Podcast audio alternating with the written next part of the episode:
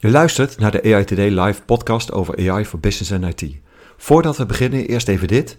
We zijn genomineerd voor de Prijs van Oranje van de Belgian Podcast Awards. We zijn super trots op deze nominatie en jij kan ons helpen om deze prijs te winnen. Luister je graag naar onze podcast? Stem dan via belgianpodcastawards.be. Alvast bedankt. Hoi, we zijn vandaag de gast bij Dutch Data Forum, georganiseerd door Helieview. Diverse experts en ervaringsdeskundigen komen langs in onze pop-up studio AI Today Live in Den Bosch. Mijn naam is Joop Snijder, CTO bij Agency. En mijn naam is Niels de Klee, Chapter Lead Data AI bij InfoSupport. Ja, we hebben vandaag eh, te gast Fiona van der Graaf. Fiona, welkom. Dankjewel. Fijn dat je mee wilde doen. Uh, je hebt net de keynote gegeven hier op de conferentie van uh, Dutch Data Forum. Klopt, ik mocht uh, de openingspresentatie geven. En ik heb daarin een overzicht gegeven, eigenlijk waar je als organisatie aan moet denken als je wilt beginnen uh, aan uh, transformaties en dan uh, met name gericht op digitale transformatie en datagedreven werken. Omdat die twee heel erg nauw met elkaar zijn verbonden. Ja, nou voordat we daar dieper in duiken, zou je misschien even kort willen voorstellen aan de luisteraars? Natuurlijk, nou, ik ben Fiona van der Graaf. Ik heb nou inmiddels al meer dan 25 jaar zit ik in de IT. Uh, mijn achtergrond is niet tech. Uh, ik heb eigenlijk altijd wel uh, in de tech gewerkt. In eerste instantie in sales marketing. Ik heb dus eerst verkocht. Ja. maar ik ben redelijk snel doorgegroeid eigenlijk naar organisaties om te kijken hoe je IT kan inzetten om waarde te creëren. Dus ik heb altijd heel sterk op het innovatieve stuk gezeten. Ja. Maar ook zeer gericht op zeg maar hoe organiseer je IT binnen een organisatie. Dus ook heel erg op organisatieontwikkeling. Om meer waarde uit je IT te halen. Door beter eigenlijk met de business um, daarin samen te werken. Dus ik zit heel sterk op samenwerking. Heel sterk op uh, het opbouwen van waardevolle partnerships, ook met externe partijen. Ja. En eigenlijk dat je als IT uh, spin in het web bent. Uh, om eigenlijk de strategische agenda uit te voeren. Want het mooiste eigenlijk aan IT is, en dat is ook de reden waarom ik er altijd in ben gebleven, is dat het eigenlijk is het het centrale punt waarin alle veranderingen en alle vragen vanuit de business samenkomen. En niemand heeft dat overzicht. Ja. Iedereen bekijkt het vanuit zijn eigen functie. Ja. En eigenlijk de directie ook niet. Nee. Dus je hebt een hele belangrijke strategische adviesfunctie vanuit IT ook naar de directie toe. En ik heb eigenlijk altijd die positie enorm gepromoot en ook invulling gegeven en ook daaraan bijgedragen uh, om dat ook op dat podium te brengen. En uh, dus heel erg vanuit, uh, ja, vanuit operationeel. In eerste instantie de behoefte die er in de business is. De computer moet het doen, de printer moet werken. Ja. en juist niet te veel met IT willen te maken hebben. Omdat ja, het maakt het complex en het duurt onnodig lang. En we begrijpen het niet. Ja. Naar eigenlijk veel meer de, de samenwerking opzoeken.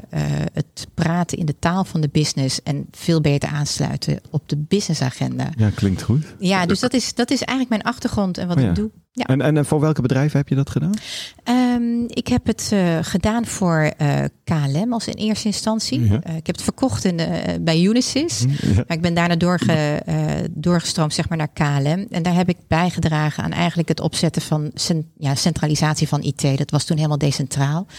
Uh, in de verschillende divisies, uh, cargo, en heb je ground services, alles uh, wat op Schiphol gebeurt, en ja. dienstcabine personeel. En, nou, en dat eigenlijk ehm, hadden die allemaal eigen lokale IT-organisaties en die werkten niet samen. Oh ja. En dat, dat maakt het onnodig complex. die hadden allemaal eigen budget. Ja. En dat moest eigenlijk weer allemaal centraal komen om te kijken wat hebben we, hoe gaan we de boel goed integreren, hoe kunnen we continuïteit garanderen. Toen waren er ook bagageproblemen trouwens. dus, uh, de, um, maar, maar dat, ja, um, dat heeft uh, die centralisatieslag, die heeft ontzettend veel opgeleverd. Uh, omdat toen eigenlijk weer overzicht kwam. en dat je eigenlijk ook kon bijdragen vanuit IT, vanuit dat overzicht. Van hoe dragen we bij aan die strategische agenda? Want als je het zo waren zij daar ook al bezig met een datagedreven transformatie? Nou, uh, toen ik daar begon, uh, toen uh, was het eigenlijk nog echt een vervoerder. En dat is het natuurlijk nu ook nog. Maar toen werkte ze nog met reisbureaus. Dus verkochten niks oh ja. zelf. Ja. Uh, als het gaat om passagiers. dus het was heel erg hoe vullen we stoelen? En hoe doen we revenue management? Dus dat we inderdaad de stoel voor de juiste prijs vrijgeven. Ja. maar richting reisbureaus. Oh ja. Dus er was helemaal geen connectie met klanten. Ja. dus dat is eigenlijk waar ik ben begonnen. En die hele transformatie van, vanuit een grote urgentie uh, om te kunnen concurreren met uh, de EasyJets en de Ryanairs, die een heel ander businessmodel hadden, ja. hebben ze de omslag heel snel moeten maken. En dat is begonnen eigenlijk in 2001. En toen werd ik ook verantwoordelijk om het KLM.com stuk neer te zetten. Eigenlijk het hele salesplatform.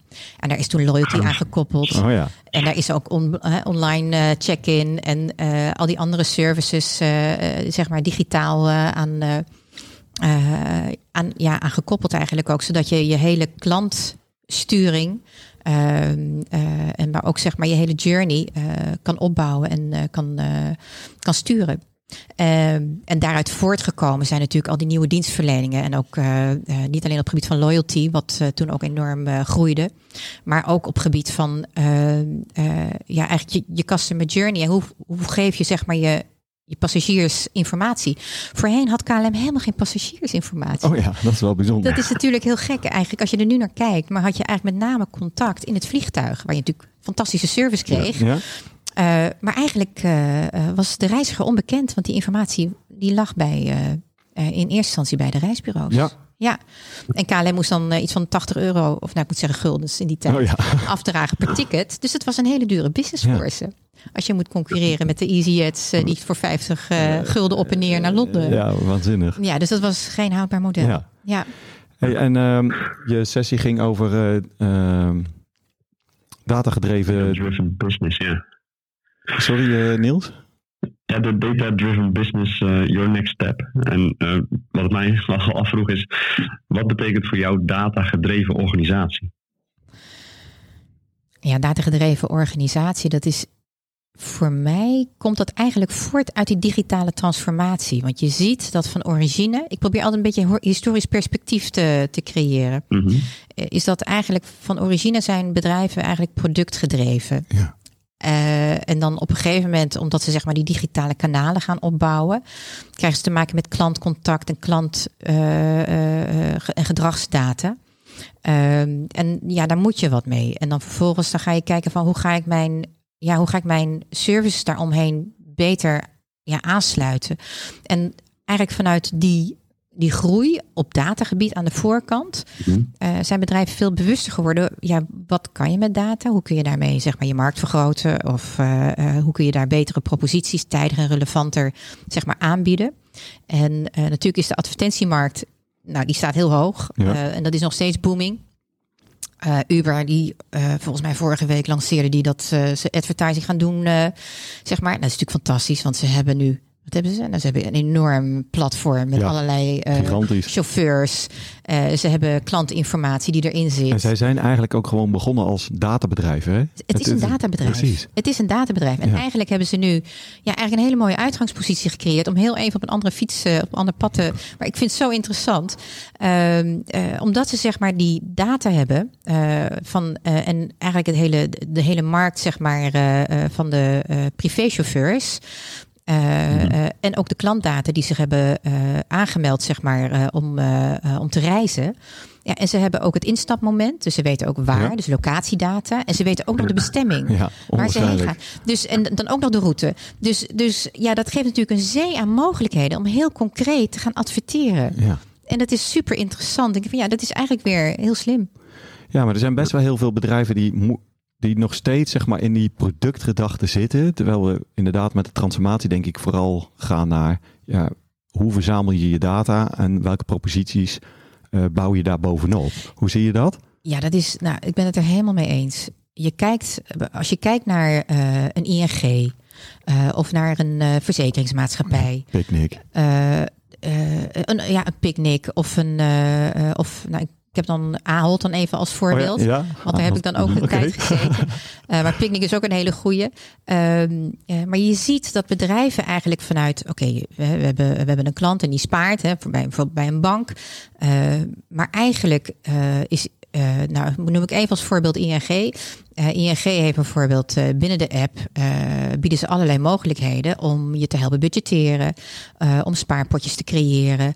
Eh, dus eigenlijk om je te ondersteunen in, eh, eh, in, je, in je gedrag. Ja. Maar het heeft ook weer een voorspellende waarde. Want zij krijgen informatie waar je voor spaart. Precies. En, en zeg maar vooruitkijkend wat je, ja, wat je eigenlijk wat je, wat je plannen zijn. Ja. En voorheen was het natuurlijk helemaal niet zo. Toen wisten ze alleen maar als een transactie was. Uh, digitaal wat je kocht. Ja. En voorheen was het cash, wisten ze helemaal niks. Nee. Dus, dus zij krijgen steeds meer kennis en steeds meer data. Dus het is super interessant. Hetzelfde geldt ook voor Ahold. Die is natuurlijk van supermarkt. Uh, ik heb uh, toen in 2011 ben ik daar begonnen om uh, AH.nl als nieuwe business unit zeg maar Ja. te leiden vanuit IT. en toen kwam een hele digitale trans, ja, transformatie, trans, strategie, datastrategie kwam, kwam naar voren om dat goed te definiëren. de pick-up points, de overname van bol.com. Ja. Waar je ook weer je puntjes kan redeemen. Uh, dus ja, hoe, hoe creëer je eigenlijk een omgeving waarin je eigenlijk optimaal uh, je, je klant bedient. Uh, maar ook waarin je zeg maar ook steeds beter je klant ook begrijpt. Dus die bonuskaart is toen ook veranderd. Ja. Dat was toen ook best wel een uitdaging. Want uh, ze hadden niet in de voorwaarden initieel aangegeven dat ze het ook voor persoonlijke aanbiedingen wilden gebruiken. Dus ze moesten al die data weggooien. Hebben ze ook gedaan, hè? Oh, Ze zijn goed. helemaal opnieuw begonnen. Ja. En, uh, en hè, door middel van de lancering van de nieuwe bonuspas, die dan iedereen ook kon aanvragen, denk ik een jaar of zes, zeven geleden of zo. Ja. Uh, uh, toen hebben ze helemaal opnieuw die database opgebouwd. Oh ja. En dan zie je dat dat ook meteen zijn uitwerking heeft. Dat op basis van de informatie. Uh, is het niet meer zo dat iedereen luiers en uh, varkenslapjes uh, in de aanbieding krijgt. Want het is lang niet voor iedereen relevant. Ja. En dat je dat, hè, je vindt het nog wel in de bonusfolder, maar die kan je zelf oppakken. Maar je krijgt nu persoonlijke aanbiedingen. Precies. Dus dat is, dat is voor hun is dat ja, eigenlijk een super optimalisatie. Qua service, maar ook qua relevantie. Nou, en ik vind het mooi dat je zegt van dat, dat je eigenlijk opnieuw bent begonnen. Want dat betekent dat je. Uh, nou, laat ik het omdraaien. Wat wij best wel veel zien bij bedrijven, is dat ze uh, vanuit de data gaan redeneren wat ze daarmee kunnen. Wat je hier doet, is dat je zegt van nee, maar we willen een bepaald doel halen. Ja. We hebben een, een, een, een, visie, een idee. En daar gaan we onze data voor verzamelen. Ja. Nou ja. En dat, dat is echt wel, ja, het, het klinkt zo eenvoudig. Uh, maar dat is best wel een hele moeilijke stap.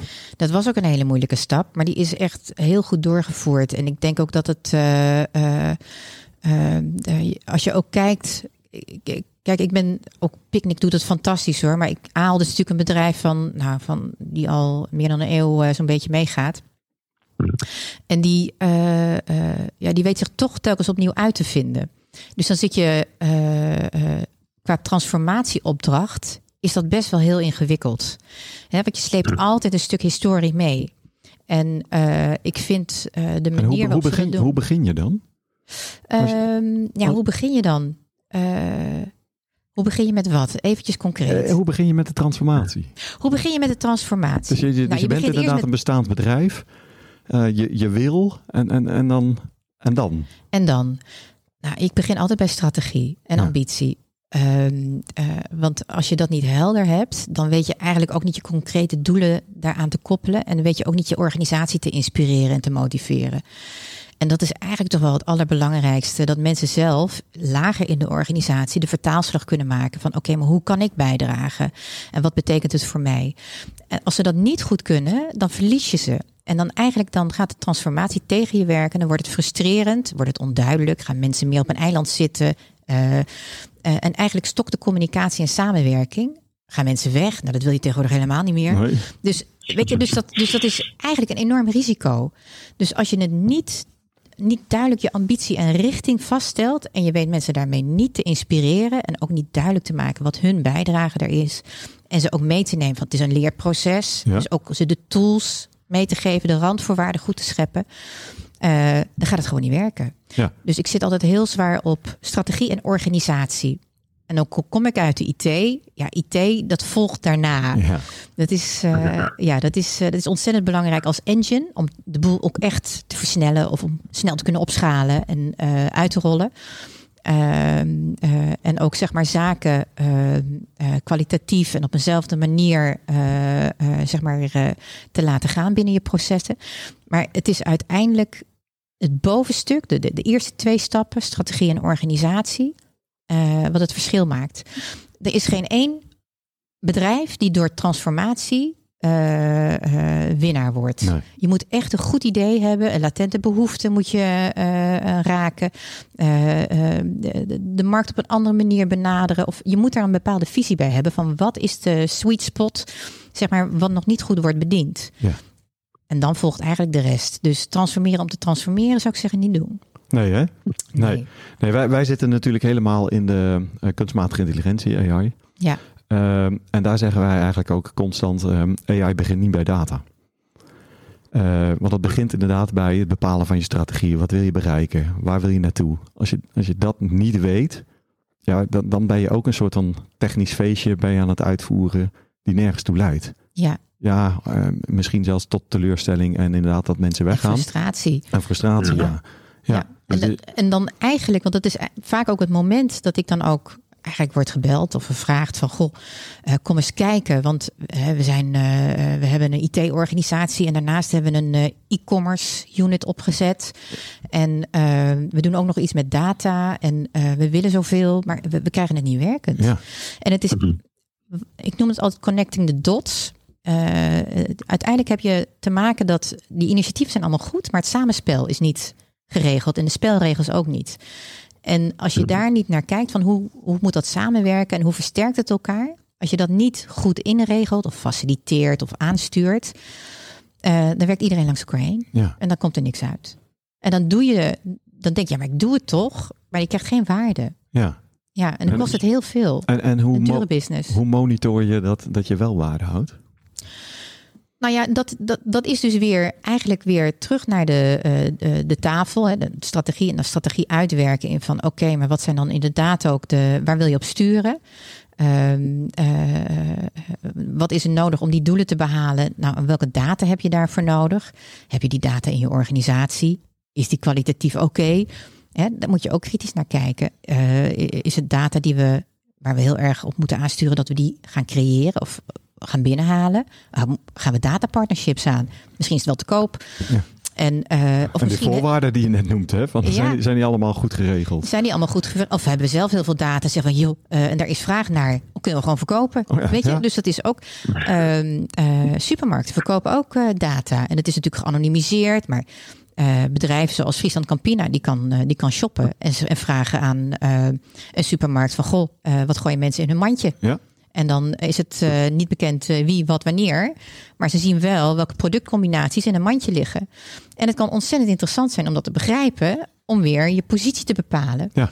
En, uh, en dat wordt verkocht. En dan, ja, voorheen had je Nielsen en marktonderzoek en zo. Ja. Maar je ziet dat eigenlijk bedrijven ook databrokers worden. Ja, dat is wel mooi om te zien. Ja. ja. En, die, en die marktonderzoek, dat, dat was natuurlijk, um, hoe zeg je dat? Ja, dat, dat, dat is maar een deel uiteindelijk van de werkelijkheid. Terwijl als je dan inderdaad de data koopt van de supermarkt, ja, dat is gewoon wat er daadwerkelijk gekocht is. Ja, Ja. en je ziet dan ook eigenlijk dat de, de, de, uh, de focus, hè, omdat data tegenwoordig te koop is, uh, dat het niet allemaal meer onderzocht hoeft te worden, bij de bron kan halen uh, binnen wet en regelgeving, dat je eigenlijk veel meer verschuift naar kwalitatief onderzoek en meer naar consumer insights. Ja. Dus meer naar inzichten. En dat je daar het verschil op wilt maken. Uh, en dat je daar je propositie weer omheen gaat bouwen. Ja. dus dat is eigenlijk ook weer een verschil. Ja, ja. Nou, mooi is dat, uh, focus. dat, dat dat zo verandert. En, uh, ja. Ja. en wij zijn daar zelf heel blij mee, want met dat soort data kan je natuurlijk ontzettend mooie of voorspellingen doen of veranderingen kan, je, kan je gaan meten. Uh, kan je gaan ontdekken, fraudedetectie, dat soort zaken. Ja. Dus daar is het een, uh, een enorme bron van uh, ja, nieuwe mogelijkheden voor. Ja, en je ziet ook hè, dat bijvoorbeeld overheidsinstanties, die zijn toch vaak, die bestaan eigenlijk om wet en regelgeving uit te voeren en te handhaven en te controleren. En je ziet eigenlijk dat, uh, uh, dat ja, op basis van de afgelopen decennia, of decennium moet ik zeggen, het is al niet zo lang geleden, is dat eigenlijk instanties steeds meer gaan kijken van ja, maar uh, waar willen we nou eigenlijk op sturen? Eigenlijk willen we erop sturen dat mensen ons eigenlijk misschien wel minder nodig hebben. Ja. Hè, dus hoe voorkomen we, uh, of hoe helpen we preventief zeg maar zaken te signaleren, uh, zodat we al kunnen sturen dat bijvoorbeeld mensen niet in de, in de, in de WW komen. Ja. Wat kunnen we daaraan doen? Dus instroom uh, voorkomen. Uh, hetzelfde ja, geldt ook bij ziekenhuizen. Dat is, wel, dat is wel een soort van uh, paradigma shift. Hè? Dus eerst waren we natuurlijk op zoek naar mensen die bijvoorbeeld uitkeringen misbruikten. En dus zat je meer naar de fraude. Ja. En tegenwoordig gaan we ook kijken van ja, maar wie kunnen we helpen? Wie heeft eigenlijk ergens recht erop? Of hoe kunnen we iets voorkomen? Ja. En dat, dat vind ik wel heel mooi om te zien dat daar een verschil in, uh, in ontstaat. Ja, en dan ga je eigenlijk veel meer uit van uh, uh, dat je een bijdrage te leveren hebt als in instituut. Om eigenlijk zo goed mogelijk mensen in een moeilijke fase, want dat is het, uh, zeg maar zo goed mogelijk daar doorheen te loodsen en daar uh, de begeleiding voor te organiseren. Uh, maar veel meer vanuit een netwerkgedachte. Ja. En niet zozeer van je moet je formulier invullen en deze vinkjes moet je zetten en op tijd moet je dit doen. En moet ook, hè, maar, maar ook ondersteunend. Precies. En dat, en dat ondersteunende, dat zie je eigenlijk steeds meer terug bij verschillende sectoren. Net zoals dat, om maar even weer terug te komen op banken, die zijn steeds meer maatje op gebied van je financiën. Ja. En Ahold die zoekt nu zeg maar veel meer op voorlichting op gezonde voeding en ter ondersteuning van gezondheid en preventie van ziekte. En uh, wordt erin ook ondersteund bijvoorbeeld door een verzekeringsmaatschappij als VGZ. Oh ja. Om daar, uh, uh, om daar zeg maar ontwikkelingen op te doen.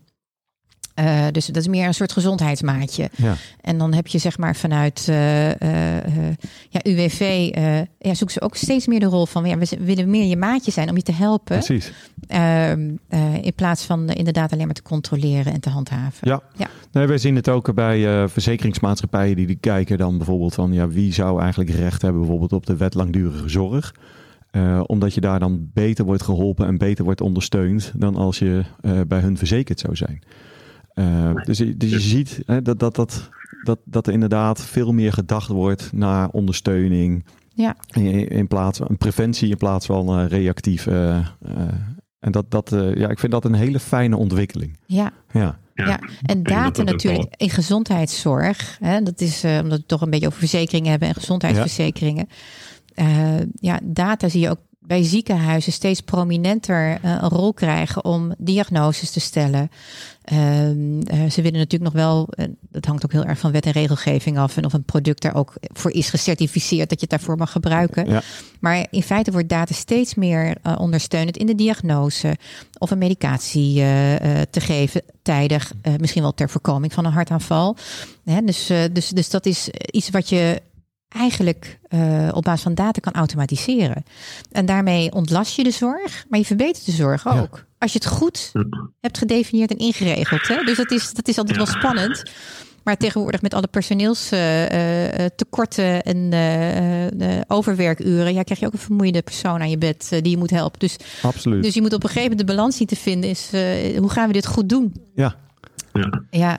Ik denk dat, ja, dat het eigenlijk wel weer mooi bij elkaar komt als ik het zo hoor. Want ik, ja, um, dat je hier eigenlijk wel echt inderdaad over je strategie weer moet gaan nadenken. Want dit zijn niet de doelen die je kan bereiken door gewoon IT te gaan implementeren. Nee. Dus volgens mij ja, is echt hiermee ook de, de bal helemaal rond. Ja. Dit kan je alleen maar uh, op de strategietafel bespreken. Kijken wat wil je bereiken. Uh, dus ja, mooi. Ja, en, en juist dan kan je ook, hè, dan krijg je ook het mandaat om de randvoorwaarden te creëren. Want een opdracht krijgen van, nou, weet je, we vinden datagedreven werken belangrijk. Uh, dus we huren iemand in of uh, we nemen iemand aan uh, op gebied van data. Nou, die is daar, dat, dat gaat niet werken. Nee. En, nee. dat waarom, waarom niet? Als je dat aan de luisteraar zou moeten uitleggen. Ehm, als je data gedreven gaat werken, heel veel mensen die begrijpen helemaal niet wat het betekent eigenlijk. Ja. Dus het is, het is een stukje scholing wat je intern nodig hebt. En eigenlijk ook weer bij het management. Want die moet begrijpen wat je ermee kan oplossen. Uh, en die moet dan eigenlijk ook veel meer uh, uh, in de problemen die ze voorzien, of de kansen die ze zien, veel meer data betrekken in van oké, okay, hoe gaat het me helpen om beter of sneller daar te komen? En dat krijg je eigenlijk alleen maar door in gesprek te gaan ja. met het management. En dan ook vervolgens, als je bepaalde rapportages uh, uh, dan uh, vervolgens gaat maken, dan ook echt gaat sturen op gebruik. Ja. Dat het ook echt altijd wordt meegenomen in de meetings en als referentiemateriaal, dat het ook gaat leven ja. in de teams. Um, en dat het zo wordt gedragen. Want datagedreven werken betekent ook echt dat je in je, in je werk uh, gebruikt. Ja, dus het echt en, integreert. En echt integreert. En dat is dus uh, niet alleen voor besluitvorming, maar ook uh, ja, gewoon om te kijken van hoe kunnen we bijdragen aan datavergaring. Ja. maar ook in de organisatie zelf van hoe borg je dat die data dan ook goed wordt vastgelegd. En dat we een goed beleid hebben wat het bronsysteem is. En dat we daar vandaan zeg maar de rest bedienen. En dat het. de herleidbaarheid van data. De herleidbaarheid, dat, ja. Dus er komt best wel veel bij kijken.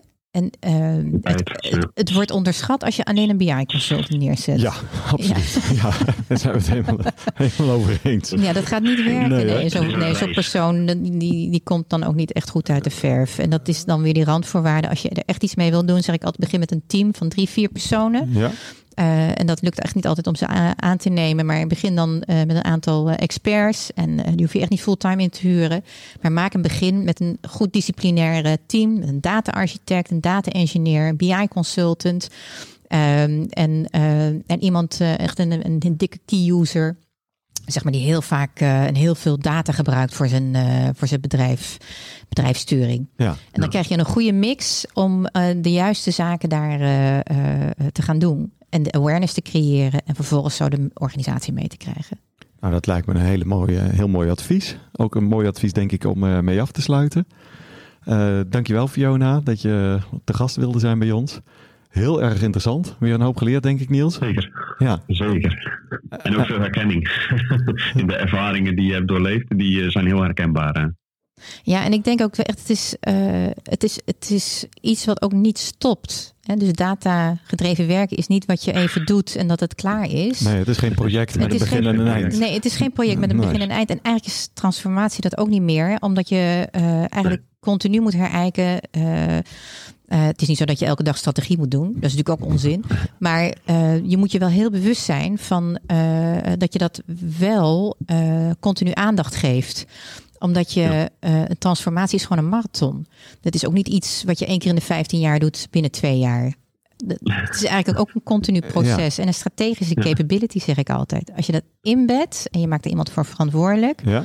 die vervolgens ook uh, connecting all the dots en ook uh, de governance en de, de, de ondersteuning daarin biedt naar alle verschillende functies toe, ja, dan blijft het ook leven. En dan blijf je ook sturen op, het juiste, op de juiste ambitie met elkaar. En die, en die persoon, over wat voor type functie hebben we het dan? Dat, dat mensen dat een beetje kunnen plaatsen. Is dat een eh, CDO? Is dat een CIO? Waar, waar hebben we het dan over?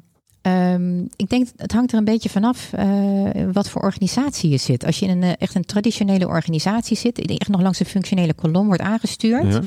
dan zit je al gauw bij een chief digital of een transformatie vice president of in ieder geval iemand die zeg maar dat, uh, dat waarneemt. Uh, uh, en als je eenmaal zeg maar zover bent dat je denkt, oké, okay, maar de mensen weten elkaar te vinden. We hebben het, het is helemaal ingesleten. Het zit in de governance, het zit in de werkwijze. Ja, dan kan het weer terug naar de CEO. Ja. Uh, want uiteindelijk, of in ieder geval het bestuur, want daar, daar vandaan moet het bedrijf worden gestuurd. Ja. Alleen ten tijde van de transformatie in het begin uh, heb je daar echt wel uh, uh, ja, extra power voor nodig om dat ook echt gedaan te krijgen. Het kost gewoon ontzettend veel energie en ja, ook enorm uithoudingsvermogen. Ja. ja, ik was eigenlijk al aan, aan het afsluiten. Oh, Niels, jij wilde nog een vraag stellen, sorry. Nee, nee, nee. nee? Volgens mij inderdaad was dat even een hiccup in het netwerk. Ja, hoop, hoop geleerd. Dankjewel, Fiona. Graag gedaan. dankjewel. Fijn dat je weer luisterde naar een aflevering van AI Today Live. Mis niks van ons. Volg ons via Spotify, Apple Podcast, Google Podcast. Er zijn allemaal mogelijkheden om te zorgen dat je meldingen krijgt. Dus mis geen aflevering. Dankjewel weer voor het luisteren.